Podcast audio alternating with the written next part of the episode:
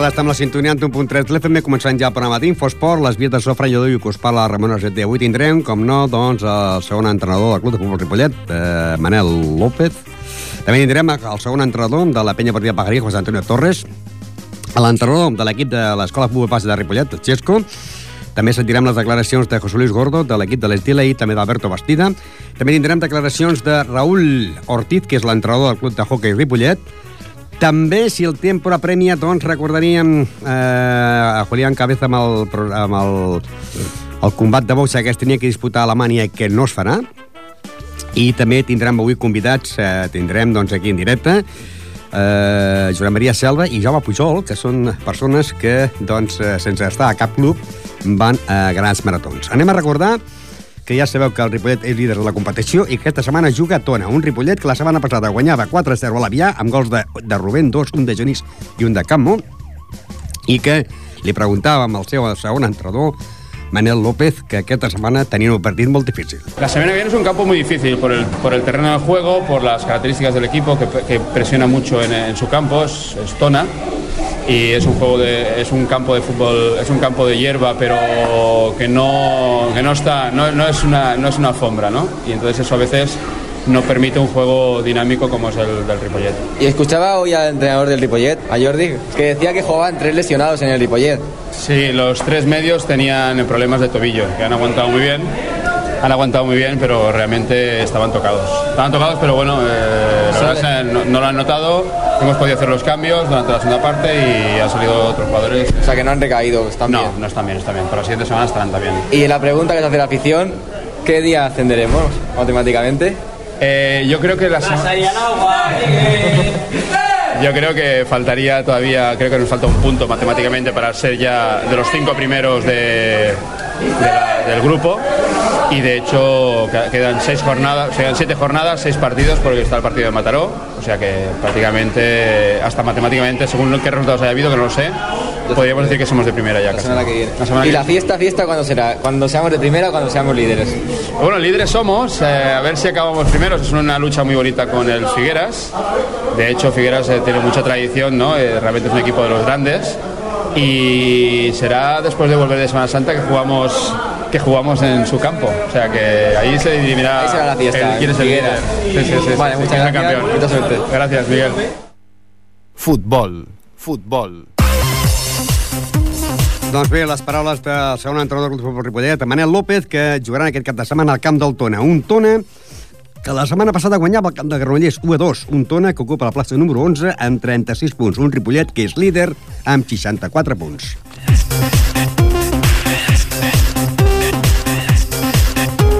Anem també, doncs, amb la penya esportiva Pajaril, que aquesta setmana juga al camp del Pitres, un equip que va per la cua. La setmana passada la penya esportiva Pajaril perdia casa davant de l'Ametlla per 2 a 3, amb gols de Minuesa i un d'Àlex.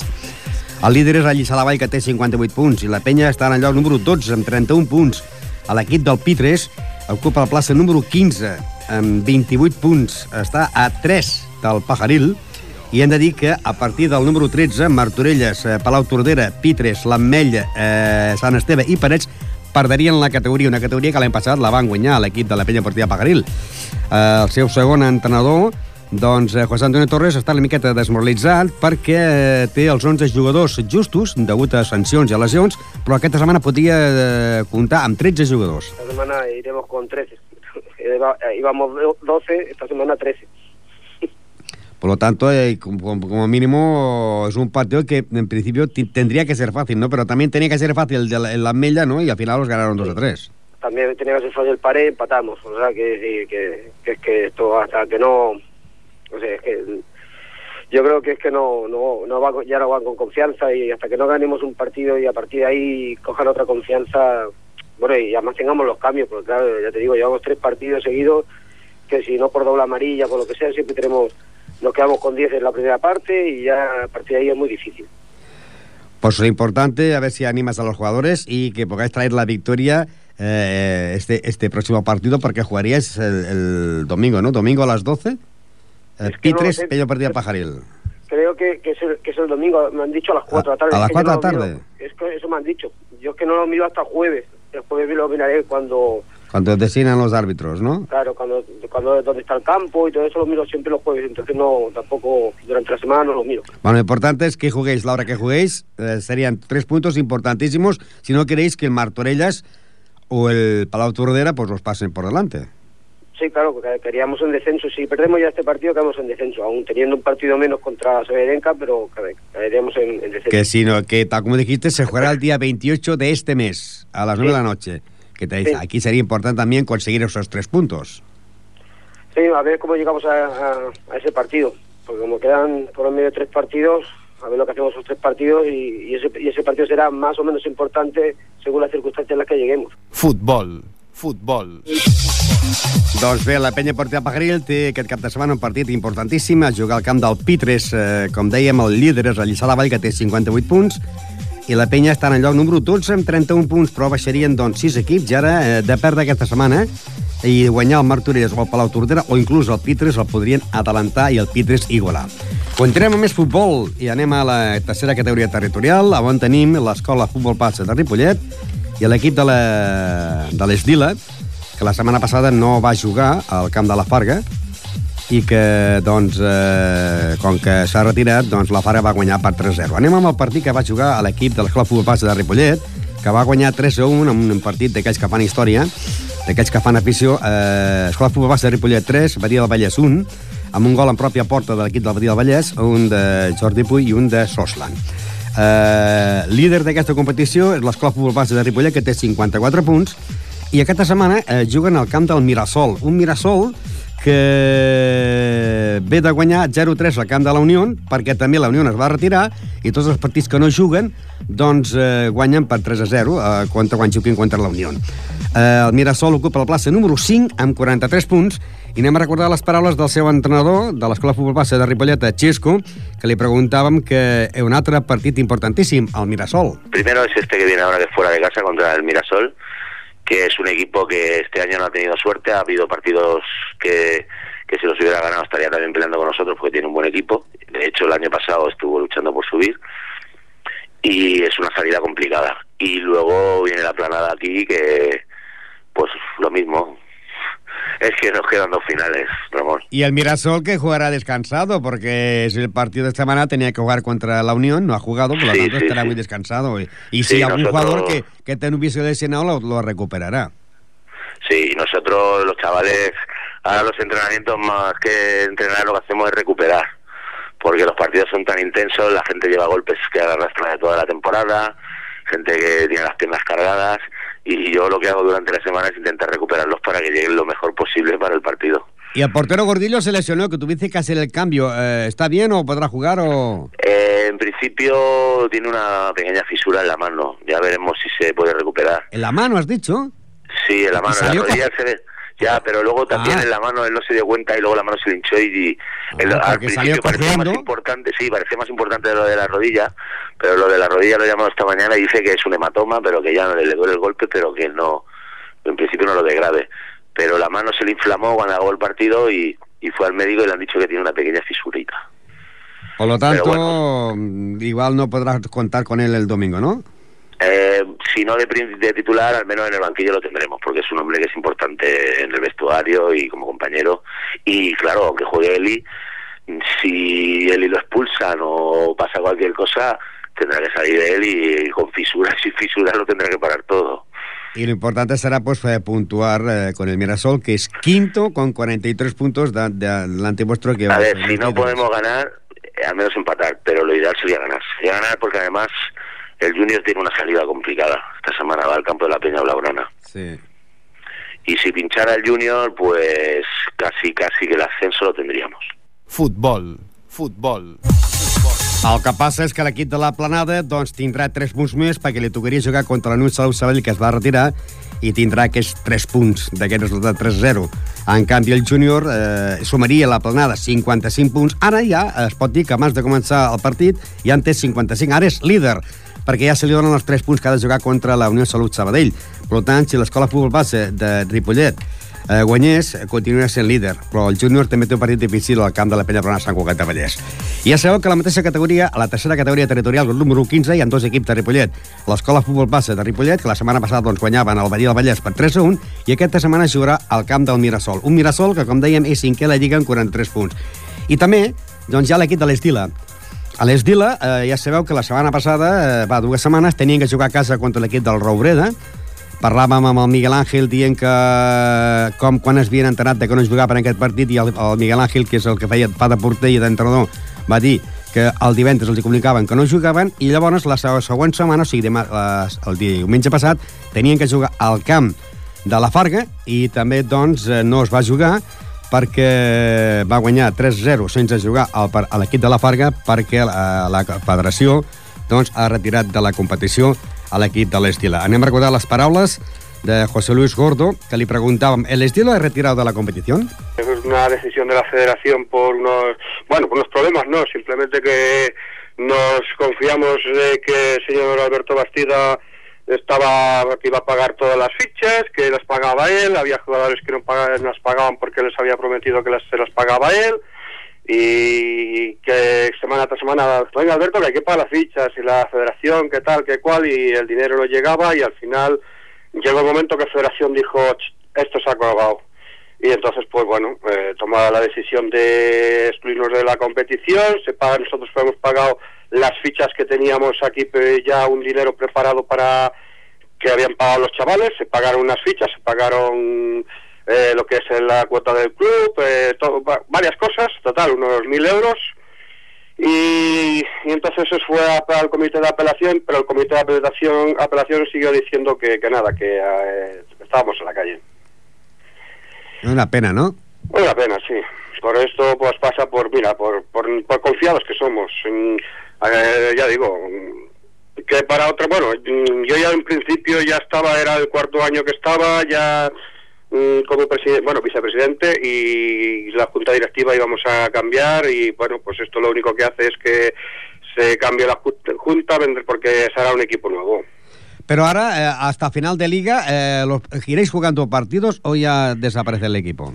A ver, no, en principio pues vamos a intentar pues a estos equipos contra, por ejemplo, la de fútbol tengo que hablar con, con ellos, que es el último partido que de la temporada que teníamos que hacer, eh, a ver si quieren hacer un amistoso. El ganar ya lo tienen ganado el partido, Marina también, y entonces que son los dos equipos contra los que nos quedaba jugar en un principio, intentaremos jugar unos amistosos contra ellos si quieren y si no buscaremos otra, otra algún otro equipo y sí, sí, no, porque es que claro, ya digo que se va a hacer otro equipo, se va a montar desde ser otro equipo y hay un par de, de personas o tres que están trabajando eh, en todo ello, ya estaban trabajando porque ya llevaban tres semanas trabajando en montar el, un equipo nuevo para el año que viene. O sea, no montarlo, seguir el esdila, pero en el sentido de que, bueno, buscando patrocinadores, ya buscando todo lo necesario para, para funcionar el año que viene, como junta, nueva junta directiva y como todo. ¿Y el año que viene, si entráis, entrarías con el mismo nombre? No, no, a ver, el mismo nombre no se puede No se utilizar. puede utilizar, al, al ¿no? haber, al haber este expulsado de la federación tienes que cambiar el nombre. ¿Ya tenéis pensado el nombre? No lo sé, eso ya es cuestión de, de los que están como junta directiva, a ver si hay, si hay alguien que patrocina en condiciones, eh, a lo mejor ponen el nombre de ellos y si no, pues eh, a lo mejor pues siguen poniendo. Ahí ya es una cosa que los que están montando, pues, a ver, ya es eso. A mí me Porque gustaría- el nombre- a ellos el- les gustaría seguir con, con algo, aunque poner a lo mejor pues otro nombre con el Dila o algo, por- para que la gente supiese quiénes son ellos, que no, que, o sea, como para decir que no son unos una gente nueva en esta competición. Porque bueno, llevan, sí. eh, eh, Esdila es el nombre de, de, de de tres hijos tuyos, ¿no? Exactamente, Estefanía, Didac y Laia. Y ponerlo al revés, Laia, Estefanía, Esdila, ponerlo al revés. También, a ver, eso también puede ser otra opción, eso ya se lo comentaré yo a los a los chavales estos que están montándolo, a ver. Hay que cambiar el De momento nosotros, pues nosotros como seguiremos patrocinando algo, seguiremos poniendo algo de dinero ahí para ello y luego pues si, si hay un bar o, o cualquier empresa, están ahí hablando con un par de empresas un poco grandes, si consiguen hacer algo y ellos quieren que se les ponga algo del nombre de ellos ahí, pues por mí no hay problema. Mm, A ver, que es, que es aquello, el equipo pues ha desaparecido, pues ha desaparecido, ¿qué le faremos? Eh, ha desaparecido, pero en el programa de Infosport, la entrega de premios que haremos el 17 de junio, que es un, eh, un viernes a las 7 de la tarde, pues recibiréis el trofeo. Eh, porque aunque no te- te- eh, terminéis la, la temporada, pues tenemos que Alberto Morales ha sido el jugador que hasta el momento ha marcado más goles del equipo del Esdila, por lo tanto re- recibirá el trofeo el, día, el día 17 a Alberto Morales. Muy bien. Eh, ya te mandaremos la Pues comunicación, ya- pero sí, eh, ahí, está- ahí estaremos. Fútbol, fútbol, fútbol, fútbol. Eh, Alberto, Dime, Ramón. bueno, ¿has oído a José Luis Gordo? Sí, sí que lo he oído, sí. Mm, eh, parece ser que no estás conforme, ¿no? Eh, pre- precisamente por eso me he puesto en contacto contigo, porque no estoy conforme en eso. ¿Eh? ¿Cuál es tu versión? Mi, mi decisión es que, a ver, eh, yo me comprometí con él a llevar el equipo este año, ¿eh? y en cambio resulta que los jugadores tienen que pagar una cuota, que los jugadores no tienen ninguna culpa de nada de la administración que se haya llevado en, en el equipo, ¿eh? y yo creo que en ningún momento dije que pagaría la ficha de los jugadores. Si- sino que yo creo que dije ¿eh? que yo me haría cargo de un par de fichas o tres de los jugadores, no de toda la plantilla. ¿Eh? ¿Y, claro, y- y- y te hiciste cargo de estos dos o tres jugadores? eh, no. No me he hecho cargo de esos dos o tres jugadores, Ramón, porque viendo el plantel que he visto durante toda la temporada, ¿eh? no merecía la pena. Pero claro, eh, pero, claro, ellos retienen porque el, resto tampoco se han pagado, ¿no? ¿Eh? El resto tú, esos tres no lo pagaste, pero los otros jugadores tampoco los han pagado, las Hombre, fichas, claro. Que yo, yo, si yo, si yo hubiera pagado a esos dos o tres jugadores que yo me com- comprometí a pagarles las fichas, ¿eh? aún así Faltaba el resto. faltaba el resto. ¿Eh? Pero que yo, que yo, que, que- que yo sepa, de mi boca nunca salió que yo pagaría todas las fichas de los jugadores. ¿eh? Y respectivamente a los patrocinadores que se refiere a José Luis, de, o sea, a José Luis, a los patrocinadores que se refiere, Mm. ¿eh? esos patrocinadores en un principio estaban. ¿eh? Y también él sabe que en otro principio mm, después ya no estaban porque se echaron atrás. O sea que si José Luis Gordo ha estado dependiendo del dinero que iban a dar esos patrocinadores, ¿eh? ese dinero nunca ha aparecido. Y entonces, ¿quién se hizo cargo del resto de jugadores? La- ¿Eh? ¿quién, se hizo, quién se hizo cargo de pagar, de abonar a la federación las fichas de los, de jugadores que tú no, que no, no pagabas? Pues supuestamente Ramón, a ver, yo como yo no soy tesorero ni soy nada y yo no eh, posteriormente yo no he cogido dinero de nadie, ¿eh? los jugadores habían pagado. ¿eh? Los jugadores habían pagado una cuota por jugar este año. ¿eh? No, to- no, no la cuota total, pero algo habían pagado. Lo que pasa es que la federación eh, ha, ha tardado mucho, ¿no? En decir, bueno, los expulso por falta de pago de las fichas a casi, creo- casi cuando habéis acabado la liga. Yo creo, Ramón, que la federación ha tardado mucho también. ¿eh? Yo también lo creo. Porque yo creo que al segundo partido de ¿qué pasa aquí? Venga, pues se para ya el partido y... Exactamente. Yo, yo esperaba yo esperaba las notificaciones de, o sea, de, de Navidad para adelante. Es lo que se decía, ¿no? Uno por otro, la casa sin barrer. barrer. ¿Tú que pagarías tres fichas, el, el- el otro que pagaría el resto? Sí, sí. ¿O quién tenía que pagar el resto? Aquí, Porque el dinero estaba... Ramón, aquí me parece que ha habido un malentendido entre todos. Claro. ¿eh? Porque unos decían una cosa, otros decían otra cosa, ¿eh? Y yo te puedo asegurar que yo sí, yo, yo dije que iba a traer unos patrocinadores. Aparte, la empresa donde yo estoy trabajando, ¿eh? a mí me dio un dinero para patrocinar, ¿eh? o sea, para comprar para el equipo, para comprar camisetas, eh, chandas, mochilas, para los jugadores, que en un momento dado mm, no quise entregarlo porque vi el plan que había. ¿eh? Y para perder todo eso, ¿eh? pues prefiero quedármelo yo y el año que viene Dios dirá. ¿Pero había dinero? ¿Eh? Eh, ¿Había dinero para, para pagar estas fichas? Que, Ramón, te vuelvo a decir que Las, yo... tre- las tres tuyas aparte? Mm, No, no, o sea, no, no es, que, es que el dinero, yo no lo sé, Ramón, dónde ha ido para... Si había dinero, había dinero de los jugadores, Sí. ¿eh? que lo habían pagado los jugadores. ¿eh? Ese dinero, ¿dónde está? Yo no lo sé. Yo no lo sé porque La- no me he metido en el tema del dinero. El problema es que han pagado los patos eh, los jugadores que se han quedado sin acabar la liga, ¿no? Pe- la pena, la Lo pena mismo que el Rayo Vallecano. La pena es esta, Ramón. Que los jugadores, sin tener culpa de nada, ¿eh? no han acabado la liga. ¿eh? Porque ellos no tienen culpa de nada. ¿Mm? La, la culpa la tiene la administración. Y De- yo me hago responsable porque yo he estado dentro de la administración. ¿Eh? Tú te haces responsable de los tres o cuatro que dijiste que, que dij- eh, dijiste que tú pagarías, pero no del resto. No, no, del resto... Yo, del ¿Y quién se hizo cargo del resto? No se sabe nadie, nadie lo sabe. Es que yo no lo sé, Ramón. Ah, claro. Yo no lo sé. Yo dije que yo me haría cargo de, de, de dos, tres, o mucho cuatro jugadores. ¿Eh? Claro, pero no toda la plantilla. La, La plantilla, que teníais. 20, ¿cuán- ¿Cuántos jugadores disponíais entonces? Eh, teóricamente, pues disponíamos de, de 22, 23. Una cosa es que pagues a cuatro, otra cosa es que pagues a, a 20 o 30 jugadores.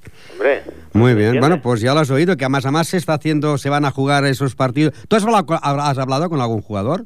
Eh, sí, yo he hablado con jugadores, sí. ¿Y están conformes sin jugar esos partidos que restan? A ver, mm, los jugadores, pues hay jugadores que no están conformes y otros jugadores que no entienden el por qué ha pasado todo esto. Y tengo entendido que tú también estás preparando otro equipo para la próxima temporada, ¿o no? Eh, te informo que yo estoy preparando un equipo competitivo para el año que viene. ¿eh? Y, y ya, ya que estamos hablando, Ramón, Sí. ¿eh? me gustaría, o sea, me gustaría aprovechar esta ocasión, ¿eh? porque, a ver, lo tengo todo plane o sea, lo tengo todo planteado ya. Ya tengo los papeles, lo tengo todo. ¿eh? Lo único que, que no, no, los papeles no los puedo entregar todavía porque la federación no me los acepta. Mira, yo te propongo una cosa, eh, porque yo, claro, cada, cada viernes tengo unos invitados en directo, ¿no? Exactamente. Y entonces eh, yo ya tengo los de hoy y tengo los del próximo viernes y el otro viernes. Yo te, te emplazo a que a partir del 29 de, de este mes, Sí. eh, la primera semana de, de mayo, Sí. estés, tú, si puedes, un viernes aquí para estar media hora contigo aquí, para hablar no del, del Estila, sino para hablar de ese futuro equipo. Exactamente, pues puedes contar conmigo para eso, Ramón. Pues entonces yo nos pondremos en contacto y yo te llamaría para que estuvieras tú aquí en directo en la radio para dedicar media hora a ese nuevo equipo. Vale. ¿De acuerdo? Vale, vale. Gràcies. Pues hablamos, Ramon. Vinga, Gràcies. Vinga, gràcies a ti. Vinga. Les paraules d'Alberto Bastida. Ja, eh, diem això perquè ja sabeu que cada el programa comencem a les 7 de la tarda i a quarts de 8 aproximadament tenim convidats. Avui han dit que tindríem convidats persones que no estan a cap club, club de directiu, però sí que fan grans maratons, inclús la de Nova York, no? La setmana de Setmana Santa no hi haurà programa perquè estarem de vacances. L'altra setmana tinc la penya barcelonista Ripollet. Doncs l'altra setmana seria amb el senyor Alberto Bastida que parlaríem, ja dic, no de l'Esdila, no parlaríem de res de l'Esdila, sinó que parlaríem del futur equip com si un dia vol venir, doncs, el senyor José Luis Gordo per parlar només de l'Estila, però amb ell més parlaríem d'aquest futur equip, com si llavors José Luis Gordo vol tornar a parlar un altre dia de, del, del segon equip que es vol fer. Per tant, aniria bé perquè llavors hi haurien doncs, equips de futbol aquí a Ripollet en plan de competició, el Ripollet, eh, l'Escola de Futbol Base de Ripollet, la Pellopatia Pajaril, eh, el futur equip de l'Estil i el futur equip que pugui fer Alberto Bastida. Continuem i ara anem al món del futbol sala. Futbol sala. Futbol sala. Futbol sala.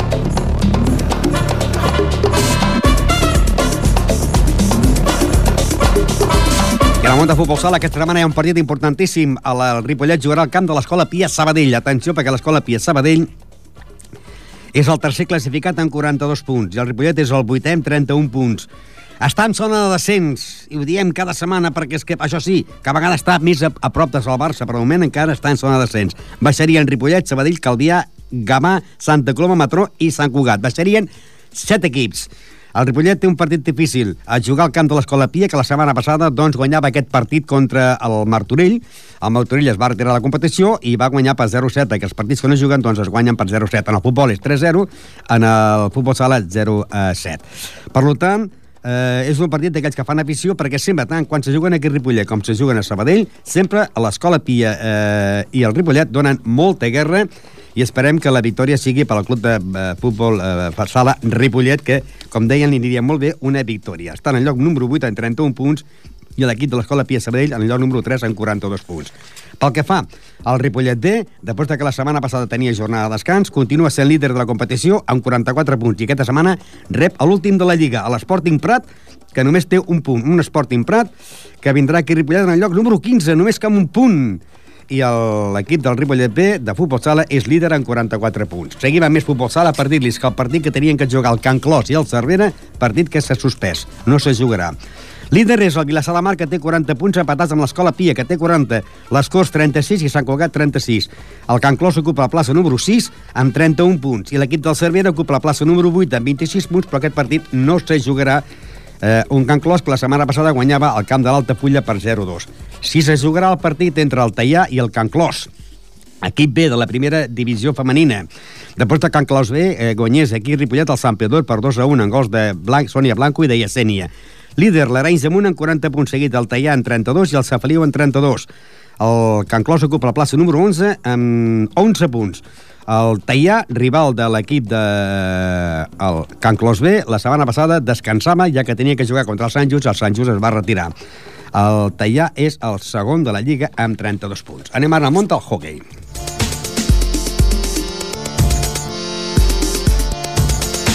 Hockey, hockey, hockey. I a la món del hockey, doncs, un partit importantíssim aquesta setmana en Ripollet, Castellà. Líder, Vilassar de Mar, 62 punts. Ripollet és sisè amb 32 punts. I el Castellà és setè a la Lliga amb 31 punts. Anem a recordar les paraules de l'entrenador Raúl Ortiz, que va veure precisament el partit, el partit que el Castellà jugava la setmana passada, que guanyaven el Reins per 6 a 3, l'entrenador del Clojo i Ripollet el van a veure. Vaig veure el partit personalment, com que ells, nosaltres vam jugar divendres i ells jugaven el dissabte, els, vaig anar a veure perquè tots dos equips els tindrem aviat, el Castellà la setmana que ve i l'Arenys és l'últim que tenim en l'última jornada i realment, eh, doncs, bueno, ja si heu vist una mica la classificació ja veieu que estem sis equips molt, molt empatats, molt igualats en punts i que realment es decidirà la temporada doncs, aquestes tres jornades que queden. Aquesta és la veritat, tots volem el mateix, intentar ras- rascar puestos i estar el més amunt possible. No? A part de Vilassar, que en té 62, Riu de Villa 56, Corbera 50, tenim Canet de Mar 33, Centelles 33, Ripollet 32, Castellà 31, Voltra Voltregà 31 i Perpetuem 29 i Congrés 29. Sí, sí, sí. Vull dir que la cosa està... O, o, o guanyes i, i passes amunt o, Sí. o passes avall. Però, Sí, sí, però bastants punts de diferència. Bueno, Eh, en llocs de diferència. Totalment, totalment d'acord. Eh, És un grup on, on la mitja taula està molt, molt apretada. En altres grups d'aquí també de Barcelona doncs, potser està la cosa una mica més, més clara, però en aquest grup realment, eh, ja dic que en aquestes tres darreres jornades es decidirà tot perquè tot, tots estem molt igualats, tots volem el mateix, tots volem doncs, recar posicions, intentar ser el millor dels pitjors, entre cometes, perquè està clar que Vilassar, Riudevillas i Corbera tota la temporada han estat amb, amb una diferència com a mínim de 10 punts, i això els ha permès doncs, barallar-se entre ells per la part de dalt de la taula i tota la resta barallar-nos en la part del mig.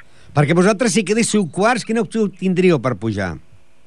Realment, altres vegades sí que hi ha hagut promoció amb les terceres places, però tinc entès, eh, per lo que vaig veure en la primera circular, falta encara que es publiqui una segona circular ja per concretar, però en principi els ascensos estan molt clars, seran els, els dos primers de cada grup en el que és la territorial de Barcelona, pujarà un altre de Girona, eh, un altre de Tarragona i un altre de Lleida, vull dir que al final són sis, e- sis equips a Barcelona, més tres més que són de les altres territorials. No sé si faran promoció, si ho fessin, doncs, doncs dependrà una miqueta de, dels coeficients que tinguem entre gols a favor i en contra, però encara no està clar, suposo que sortirà aviat, perquè clar, falta tres jornades això s'ha s'ha de concretar. I també pot ser que equips, eh, Vilassar, de Villas, Corbera, Canet de Mar o altres grups tinguin equips que ja estiguin a dalt i no puguin pujar?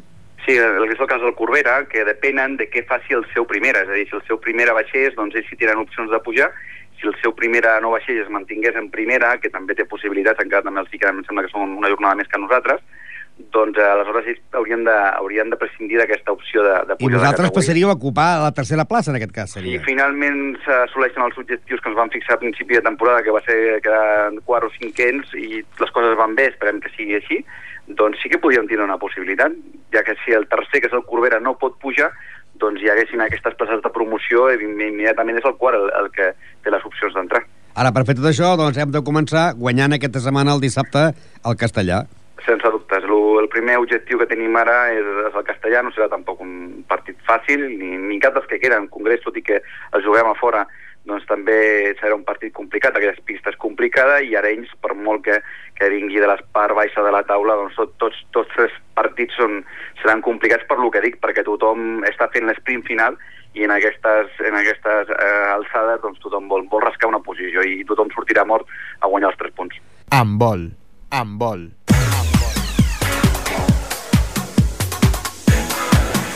anem al món del handball, doncs, perquè el Ripollet aquesta setmana jugarà contra el Cerdanyola.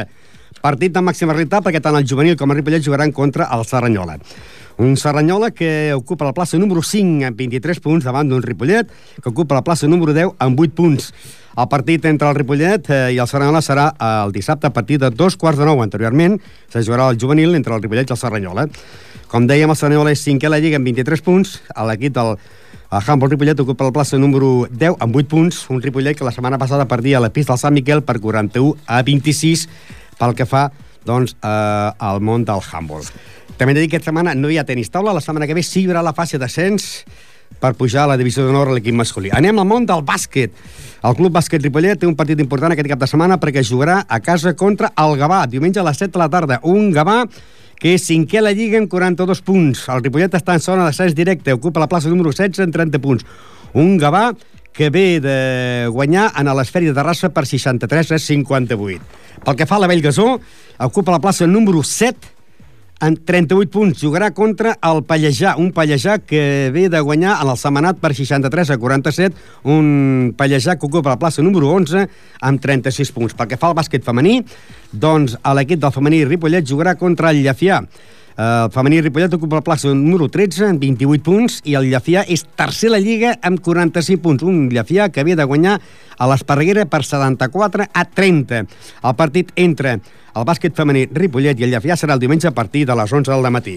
A la món del tennis hem de dir que el Club Tenis Ripollet, eh, per als jugadors de més de 18 anys de la segona divisió, tenen jornada de descans i l'equip de, de més de 40 anys de l'equip de la primera divisió, el diumenge a partir de dos quarts de 3, 4 de la tarda, a l'Olesa de Montserrat s'enfrontarà el Club Tenis Ripollet. I ara anem a recordar, doncs, que el dilluns, el dilluns, a última hora del programa, eh, parlàvem en directe, en directe amb un il- il·lusionat eh, Julián Cabeza, preparador del Club Boxeo Ripollet, que ens donava una notícia important, que eh, José María Guerrero tenia que anar aquest dissabte a disputar el Campionat del Món.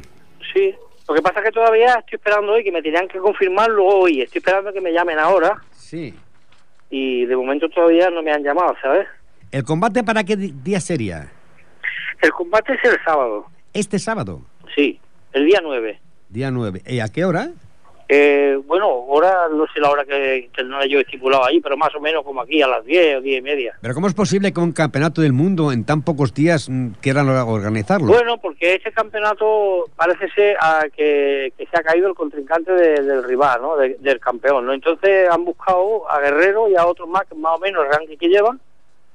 Es como una oportunidad que te dan, ¿sabes?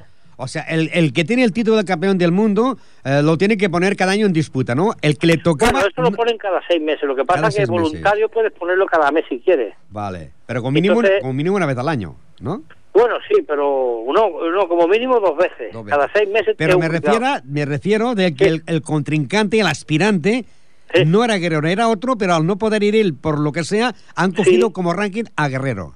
Sí, pero claro, a- tienen a otro más que entonces, claro, depende de- del récord que lleve el otro y al que lleve Guerrero, puede que le interese más a Guerrero o el otro, ¿sabes?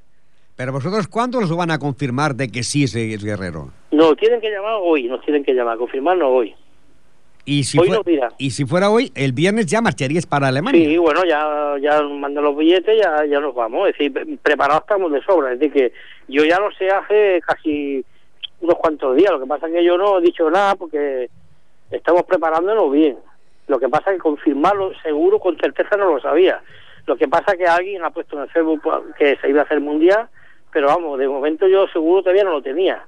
Es casi seguro, ¿sabes? Y sería Pero- el campeonato del mundo. ¿Qué peso? El de supermedio, Supermedio, ¿no? sí.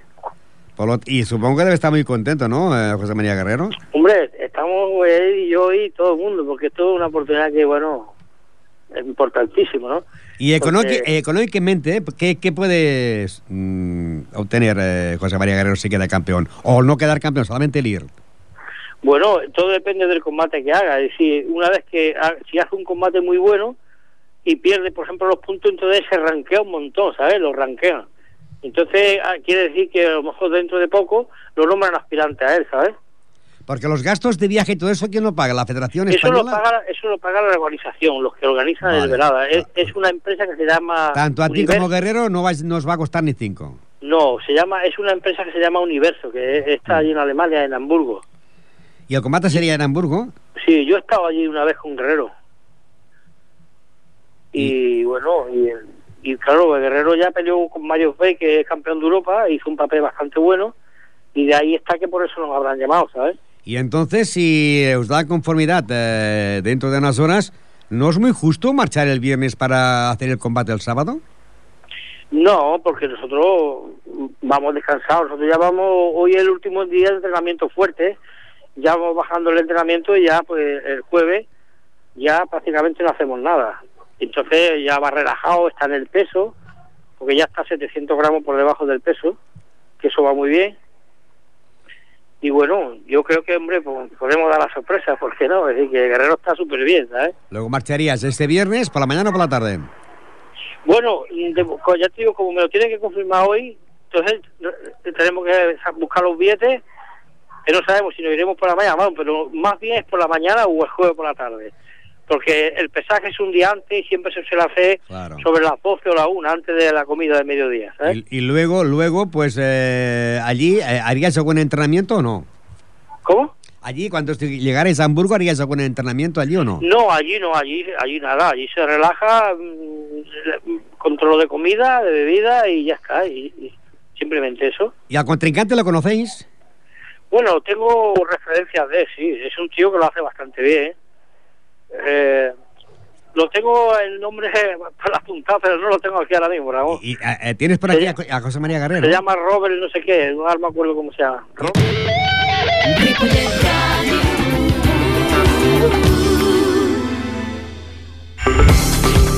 Doncs bé, aquesta conversa la teníem el dilluns, cap allà a tres quarts de vuit, eh, a l'hora d'acabar el programa, que la teníem amb eh, el preparador eh, Julián Cabezas, perquè estava preparant per marxar ahir, per marxar ahir cap a Alemanya, a Hamburgo, per disputar el Campionat del Món. Eh, perquè el butxejador que tenia que butxejar, l'aspirant que ho tenia que fer amb aquest Robert, es va lesionar, no podia ser, llavors van mirar que per rànquing li tocava José María Guerrero. Van enviar els bitlles, però com per el rànquing que tenia, va dir, coi, si aquest d'aquí és capaç de guanyar, van anul·lar el combat de José María Guerrero i fan anar a un altre alemany. Així, d'aquesta manera, el títol quedarà a Alemanya. Ara, eh, hi ha una possibilitat de que es torni a fer aquest campionat del món eh, de la categoria pes eh, supermedio i llavors hi vagi José María Guerrero. Per, per tant, doncs, eh, eh, el di mateix dilluns entràvem en directe i a dos quarts d'onze em trucaven a casa dient que la federació els havia dit que no anaven cap a Alemanya. I continuem amb més esport i ara tenim aquí doncs, eh, tres persones que no, crec que no estan relacionades en cap club. Josep Maria Selva, bona tarda. Bona tarda. Jaume Pujol, bona tarda. Bona tarda, Ramon. I Quim Márquez, bona tarda. Bona tarda. Però que fan una cosa que, és, que jo crec que és molt difícil d'aguantar. Maratons. I hi ha una persona que tenim aquí al meu costat, que a més a més és el pare d'un jugador que va quedar millor esportista de Ripollet, Xepi Selves, que juga amb el Blanes, que ha estat a la Marató de Nova York. Sí, Ramon, sí. Vam estar a la Marató de Nova York, deu fer eh, 3 o 4 anys. Eh, va ser una experiència fabulosa. Aquest any també hi han anat companys aquí a Ripollet, hi han anat eh, dos o tres companys, i també amb les mateixes sensacions que vam tenir nosaltres. Però per anar a una marató, sigui la de Nova York o sigui la de Barcelona o com la de Bomberos, que em sembla que el Jaume anirà, això s'ha de preparar abans, no? Sí, home, la preparació és bastant dura, és, és, és, eh, es té que fer consciència perquè si no la, el dia de la marató pateixes molt. Són I- tres mesos abans, eh, corrent 70-80 quilòmetres setmanal com a mínim. Ara, anar a Nova York és una, una od- odissea, no? A Nova York és una passada. Tu vas anar per la marató o per veure Nova York? Per tot, per tot, per tot. Però les sensacions que tens corrent la marató de Nova York és difícil tenir-les amb una altra cursa. En quantes maratons has estat? He estat en tres maratons. Tres maratons. Tres maratons, a Barcelona dos i a, i a Nova York. I no pertanys a cap club, no? Vull No dir, pertanem- és de pare independent, no? Independent 100%. I el Jaume Pujol, que sembla que s'està preparant per la marató que faran els bomberos. Però No. no. sense mangueres. Bueno, aquesta no, la fa una cursa de 10 quilòmetres, però la, aquesta cursa anirà al Quim. Jo me preparo simplement per aquest diumenge fer la caminata de Ripollet a Montserrat, que també alterno curses en caminates. Home, jo t'ho coneixia en l'esgot teatral, però no a maratons. Bueno, fem una mica de tot per anar compensant, per relaxar-nos fem teatre i per activar-nos pues, tot el cos pues, fem maratons. I o sigui, vas a la caminata a Montserrat. Sí, aquest diumenge. Però clar, què és més difícil, una caminata a Montserrat o una marató? A veure, una marató costa més de preparar. Vull dir, a més tenint, és el que diu Josep Maria, jo, per exemple, no, no em consciencio tant de que tinc que fer tants quilòmetres, 42, per exemple. Llavors, jo sempre entreno, pues, bàsicament tres dies a la setmana. Llavors, clar, per fer una marató tens que entrenar com a mínim 5. Llavors que passa? Que clar, els companys nostres pues, fan uns temps bastant acceptables, no? Llavors jo, jo trigo molt més. El que passa que és el que diu Josep Maria, clar, quan portes ja 30 quilòmetres ja llavors comences a sentir-te pues, a la part que flaqueja, el genoll, el turmell el peu. Jo tinc un problema de plantar el peu i aquest any vaig patir bastant la Marató de Barcelona, però bueno, vaig arribar per això. Sí. I clar, i quan estàs a la marató, que a vegades veus a la televisió que surten tot van a l'hora, sembla que un es trepitja l'altre, però quan ja passen un parell de quilòmetres ja va quedant unes cues, no? I llavors hi ha la gent, que molta gent que es deu retirar, no? Bueno, es retira gent, però en proporció de la gent que hi ha, pues no tant. Sembla que aquest any es van retirar simplement 3.000. Eh, perquè, clar, és que a part de la, de Barcelona és la plana, jo aquesta l'he fet tres vegades només. Llavors hem fet mitges maratons, la de, la de Granollers, la de Sitges, i hem fet alguna altra més por ahí. Llavors aquesta és molt plana i es pot fer molt bé. El que passa que aquest any hi havia més gent, cada any va agafar més eh, addictes i tal, perquè ara està de moda això de fer bastant esport, perquè hi ha gent professional, federats, no federats, i gent pues, com nosaltres d'estar per casa. Llavors, és un repte, no? Però jo pensava que la primera, dic, pues no, igual no la faria, però en canvi sí. Jo, jo, jo vaig fer una que va ser a Montserrat de Veu, però anant d'aquí a Monistrol amb cotxe, mm. i llavors anar de Monistrol pel carrilet... Pel carrilet a dalt. A dalt, que també, déu nhi no, jo puja, I, i, puja, puja, puja. I, no, I no és la pujar, és la pujar i és el mal terreny que hi ha, dir que tots són pedres rocs i clar, hi havia... que no anava al carrilet, no anava al carrilet, estic parlant de carrilet, no anava, anàvem pel mig de la via, que lògicament està ple d'aquelles pedres que posen, no? I te'n va ser tu. Ara el tornàvem venint amb, amb, amb autocar, eh? Això sí. Eh, I tenim a Quim Márquez, bona tarda. Bona tarda. Eh, tu quantes maratons has estat? Jo maratons, o... de moment no he, no he fet cap, només he fet eh, mitges maratons, i curses de 10... Per què es diu mitja marató? Perquè uh, la marató pot ser, jo què sé, per dir ara, una xifra, són 50 quilòmetres i, i, 5, i, i 100 i 50 són, és mitja marató sí. o, o... La, la, marató, la marató són 42, 42 quilòmetres, 42 250, penso que són, i la mitja marató és justament la meitat, són 21, 2, 21 100, i de fet és una distància que, bueno, es va començar a fer, doncs, suposo que perquè, bueno, perquè no fos tan dura, eh, la marató és més dura i la mitja marató doncs, hi ha més gent que la pot, que la pot fer. Eh, de totes maneres, com ha dit el Josep Maria, també per córrer una mitja marató també requereix una molta preparació.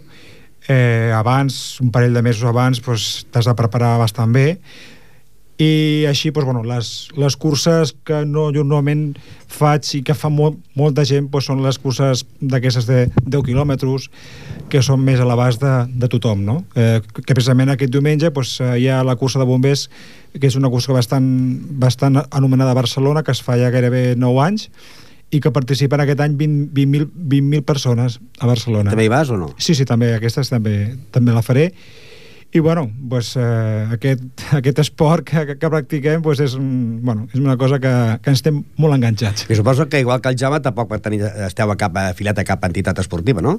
D'atletisme? No, nosaltres hem fet un, com un club que es diu Running Pollet, per posar-hi un nom. Com, com? Running Pollet. Running Pollet. Pollet. Llavors hi ha un company nostre que té una empresa i ens patrocina. Tenim unes samarretes totes més o menys iguals i llavors, pues, quan fem les curses, pues, portem a l'esponsor. Ara, tu de caler res, no? No, no, no es paguen a la, marató, va, a la marató de Nova York, no? No, som un grup d'amics. No, no, però clar, però anar, eh, què vol anar a, a, a Nova York, una marató? Pues una marató a Nova York deu valdre amb dorsal i tot, pues, al redor de 1.300 euros o 1.400 euros i estàs una setmaneta a Nova York. Uh, Perquè una inscripció, a cada cursa es paga inscripció, sí, no? Sí, sí, a cada curses, uh, em sembla que a Barcelona, la Marató de Barcelona pagàveu 50 euros, vam, sí, vam pagar aquest any 50 euros. 50 euros vaig pagar jo, si ho pagues, si per exemple esperes més, són potser hasta 60, i si ho fas al principi, sí, pots sortir per 40, però sí, sí, sí. I abans de, Josep Maria, abans de fer aquests maratons, practicaves algun altre esport o no? No, no, jo vaig començar a practicar esport pues, als 35 anys o 36, quan vaig veure que... Fer maratons. Sí, vaig començar a córrer, llavors pues, un es va enganxant, com molt bé com ha dit el Quim, mm. i, i a partir d'aquí pues, un grupet d'amics eh, vam, es reunim tres dies a la setmana, a un quart de set del matí, sortim a córrer i a quarts de vuit arribem a casa i a les vuit anar a treballar. I, uh, i tu, Jaume? Sí, jo faig el mateix. Jo, eh, el que passa que tinc que agrair molt a Josep Maria. Des de quan fas la marató? jo simplement... Perquè te va fer cap esport, tu. No, vaig jugar dues temporades a Ripollet, en 18 i 19 anys, i va ser com va baixar de categoria, vull dir, per tant, ho vaig deixar. De bàsquet? Ai, de futbol, de no? De futbol, de futbol. I llavors, pues, un dia parlant amb el Josep Maria, dic, hòstia, m'agradaria córrer, per dir, perquè ara fa anys que no feia res. Diu, estic buscant una persona que m'acompanyi. Clar, jo sabia que feia marató. Diu, tia, aquest a mi em linxarà aquí i em deixarà fet caldo. Diu, no, no, no et preocupis. I l'anèdota bona va ser que el primer dia diu, va, tu tranquil, que farem el que tu puguis. Jo sortir des de, precisament des d'allà a la farmàcia, de la Tell, i que vam arribar al poliesportiu i dir, para, que m'està sortint ja el fetge per tot arreu. I això va ser el primer dia. I llavors, efectivament, com va dir ell, pues vam cada dia anar fent més metros, més metros, fins a arribar a fer els 42 quilòmetres que podem fer ara. I jo li tinc que donar gràcies a ell, perquè clar, jo vaig començar a córrer ara, als 40 anys. I el Quim, com va començar a córrer? Pues jo vaig començar a córrer una mica en sèrio pues farà, farà uns 5 o 6 anys. Jo ja havia practicat esport de petit. Quin però, esport? Quin esport? Mm, Córrer, sí. Ah, només córrer. sí. Eh, però bueno, cinc, fa 5 o 6 anys doncs, per això, que, això que et planteges fer un canvi, un canvi de vida eh, fer una mica de vida sana i bueno, doncs vaig començar una mica també com diu el Jaume d'allò de, no, de no fer res pràcticament eh, començar mica en mica un dia o un altre primer caminar, després córrer i la veritat és que és, és un esport que et vas enganxant, o sigui, jo amb, molta gent li, parlat amb amics gent que no ha fet esport, i escolta si vols fer una mica d'esport, eh, és una cosa que comences i ja veus com, com va molt bé i te'n vas enganxant i realment la, la veritat que quan la gent veu que, que és capaç de, de córrer durant 30, 40, 50 minuts s'engresca i la veritat és que, bueno, vull dir, jo tothom que coneixo que, que fa aquest esport, la veritat és que vull dir, no sé, trobem, si ho fem és perquè ens agrada i ens ho passem bé. El més veterà, no sé si per edat, però per, per, per, per anar a maratons és en Josep Maria. Eh, anar a una caminata a Montserrat, per exemple, és una bona preparació per anar a cap de 15 dies a una marató? Home, eh, pensa que la musculatura del caminar i el del córrer és diferent. Mm? Llavors això també ho tens que, que, que mirar. Però de totes maneres penso que tots els que estem aquí, sem, quasi tots hem començat caminant. Llavors el caminar se'ns ha quedat curt i vam començar a córrer una miqueta i ha sigut així del nostre procés. Jo me'n recordo que amb, eh, vaig, vaig fer la caminada, la caminata Ripollet-Montserrat quan organitzava el Víctor Trosses, mm. que, que potser això fa 16 o 17 anys. Mm. I, i, I que, per cert... Va, Era el meu company de tennis. Era, sí. sí. Ell i jo fèiem els dobles amb el club tennis. Que deu estar els de Balaguer, sí, vull sí, dir, sí, mirant sí, els ametllers i, sí, sí, i el pantà. I, I mirant el tennis. I mirant el tenis. El tenis. Sí, sí. Llavors, eh, pues, va ser... Eh, eh, vam començar així, molts de nosaltres vam començar pues, caminant i després pues, semblava que ens quedava una mica curt això del caminar i vam començar a córrer.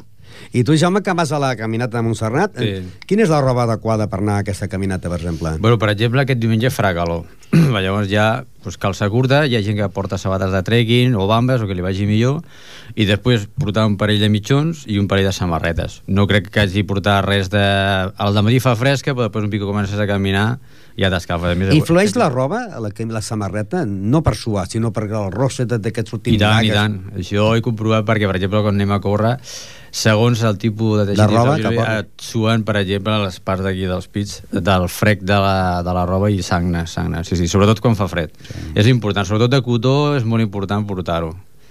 Hi ha aquestes teles que donen ara esportives que que la suor rescampa per tot el cos, però el rosse, llavors pues, molts es posen o un esparadrap... O vaselina, una, també. I el calçat ha de ser diferent? El calçat, de, de, estem parlant de la caminata a Montserrat ara. Caminata, a veure, jo ho he fet sempre amb unes de trekking perquè després m'he posat unes de muntanya i... Perquè la gent entengui eh, què és, que, que, que, quin, quin model és. Sí, bueno... Les de... La sola, generalment la, la sola. La sola és no tan flexible com la de córrer, de, és que hi ha, per córrer hi ha per fer que, curses curtes i llargues. Les llargues ja tenen més de coixí. Llavors aquestes de trekking faig servir unes que ja les tinc ara pues, bastant amoldades a bé. Però sobretot, quan un es calça, el que jo he comprovat, eh, fa poc temps que potser fem les caminates d'això, és que al peu tu notis que no te toca en lloc cap part de, del calçat. Volant. Exacte, perquè si no, allà sortirà una llaga, un frec, el que sigui, i aquí per aquí punxem. Llavors el calçat és important. Sempre anar amb el que tu creguis més còmode. I Quim, amb les maratons, quin tipus de calçat? Bueno... Mm, Diferent ha de ser del de... Tant, tant per les maratons com per les mitges, mitges maratons o per les curses, mm, una sabatilla... Aviam, eh, el córrer, el córrer no és un esport que tinguis que portar una, una equipació especial, l'única equipació important per córrer és la sabatilla. Vull dir, és l'única cosa que si te l'has de mirar una mica, perquè la veritat és que el, tot el que és pantaló, samarreta, això, és un esport que no, que, que no és gens car, vull dir que qualsevol persona, doncs, qualsevol pantaló, samarreta, per fer una cursa eh, no, no cal que sigui una, una, una roba molt tècnica, però en canvi la, la, la sabatilla sí que ha de ser una sabatilla una mica eh, adequada, amb la sola per córrer eh, i sobretot pues, que, sigui, que estigui molt del peu, evidentment pues, eh, les sabatilles pues, quan mm, depèn del, del poder adquisitiu de, de cadascú quan, en teoria pues, quan més tècniques, més cares són més bones, però bueno vull dir que depèn del nivell de, de, de cadascú pues, una sabatilla és recomanable que sigui una sabatilla adequada Què pot costar una sapatilla? Dius, eh, jo vull anar-hi, però vull anar en condicions. La sapatilla la més cara que hi hagi, aproximadament. 140 euros, 140 euros. 140 euros, 150 euros. La més cara, això ja és el no van mas. és la més cara, però... Caminar has de caminar tu, però... Oh. Exacte, però et duren. Un, També podrà la una, força tu. unes sabatilles d'esport et duren, eh? Duren. Jo et diria que podries fer hasta, hasta 1.000 quilòmetres però en seguida ho notes, quan tenen la càmera d'aire, quan comença a perdre una mica d'aire, en seguida ho notes, llavors te les canvies. I la roba ha de ser que vagi gran o vagi apretada? Això, o... això és molt particular. marató, eh? Això és molt particular. Cada un tenim les nostres manies. Uh, mira, jo tinc una mania que no... Ben ample. No, la roba m'és igual, però les sabatilles no me les descordo mai. El nus. Sempre me'l poso uh, directament. Ah, sí? Això és una mania que sempre me les cordo el primer dia i fins que no les llenço no, me les, eh, no, no es tornen a... I t'entren i et surten bé? Sí, I perfectament. tu, el Jaume, tens tu una mania, Sí, tu? t- t- el Jaume també en té de Quina mania manies. tens? Quina mania tens tu? Home, les que puc aquí explicar, les expliquen. Ah, una mania que es pugui explicar, clar. Però, com vols dir, quan anem a córrer? Sí, sí la mania de dir, jo m'agrada portar un, jo què Sí. sé, una camisa vermella, per dir-te alguna cosa. O el mallot del Barça. Home, jo bàsicament pues, corro només amb, el pantaló d'esport, no porto cap sotet ni res. Jo, per exemple, perquè tot em molesta. Llavors, sí, els pantalons, simplement, o la malla o el pantaló d'esport. A mi em passa igual, eh? Sí. I el si Quim? porta una roba... A mi m'agrada... Jo, l'única mania que tinc és que, com molta gent, que quan, quan corres, evidentment, ara si és estiu i fa més calor, sues, és una activitat que, que sues bastant, no? Doncs pues m'agrada portar una, una samarreta que transpiri molt bé. O sigui, que no... O sigui, per exemple, aquestes samarretes de, de cotó queda la, a la suor molt enganxada al cos, llavors és recomanable, a mi va molt bé, pues, eh, una samarreta que sigui que, que transpiri que transpiri. Doncs es queden... Estem a punt d'arribar a la meta, a, a la marató. Al principi... ens ha quedat curt, això, Eh que Ramon. sí? sí Veus? ha I tenies curt. por d'entrar Sí. perquè no sé què... I guaita, ens falten d'aquí 4, d'aquí 4 minuts, ja, ja trenquem la, la, la veta i qui ha guanyat? Qui ha guanyat avui de vosaltres tres? Ara, en sèrio, qui és el que fa millors bones classificacions? Bueno, to, tres. tots molt similars. eh? Home, pensa que som un grup que hi ha de moltes edats. Eh? Perquè l'entrada va per edats, no, llavors? No, no, per temps. Però, bueno, sí, però el temps, però no el mateix. Eh, el temps d'un que fa que tingui 70 Ah, bueno, anys amb sí, 88 anys. sí, Ramon, hi ha diferents Ah, això classificacions. no. Hi ha, hi ha de, de la mateixa manera que hi ha infantil, juvenil, júnior, sèniors, després hi ha el sènior... Tu el- pots entrar al 300, però ets el segon de la teva de categoria. Sí, sí, Ramon, sí, això Sí, no? existeix. Sí. Hi ha el superveterà, el veterà, el, el, el sènior... mm, El sènior no sé, em sembla que és fins sí, als hi ha moltes, 35 en maratons anys. hi ha molta classificació, Sí. sí. clar, perquè corrent està gent de 70 anys, llavors... Clar, és com les curses sé, que fan, les del Rua, no per sé, exemple, sí entren sé, totes les categories a Levi i Benjamí i un quedarà al 50, però és el primer de la seva categoria, o el primer local, que es diu, per exemple, no? Doncs es queda molt poc. Eh, Què diries tu a la gent perquè participin a maratons? Pues... O que s'ajuntin amb vosaltres? Jo, jo, bueno, jo a tothom que jo a tothom que, que, vulgui fer una mica d'esport, jo li ho recomano, o sigui, és- és una cosa que i ara el que sí està clar és que és un esport que cada vegada es, es practica més. A Ripollet, a Ripollet es practica cada vegada més esport.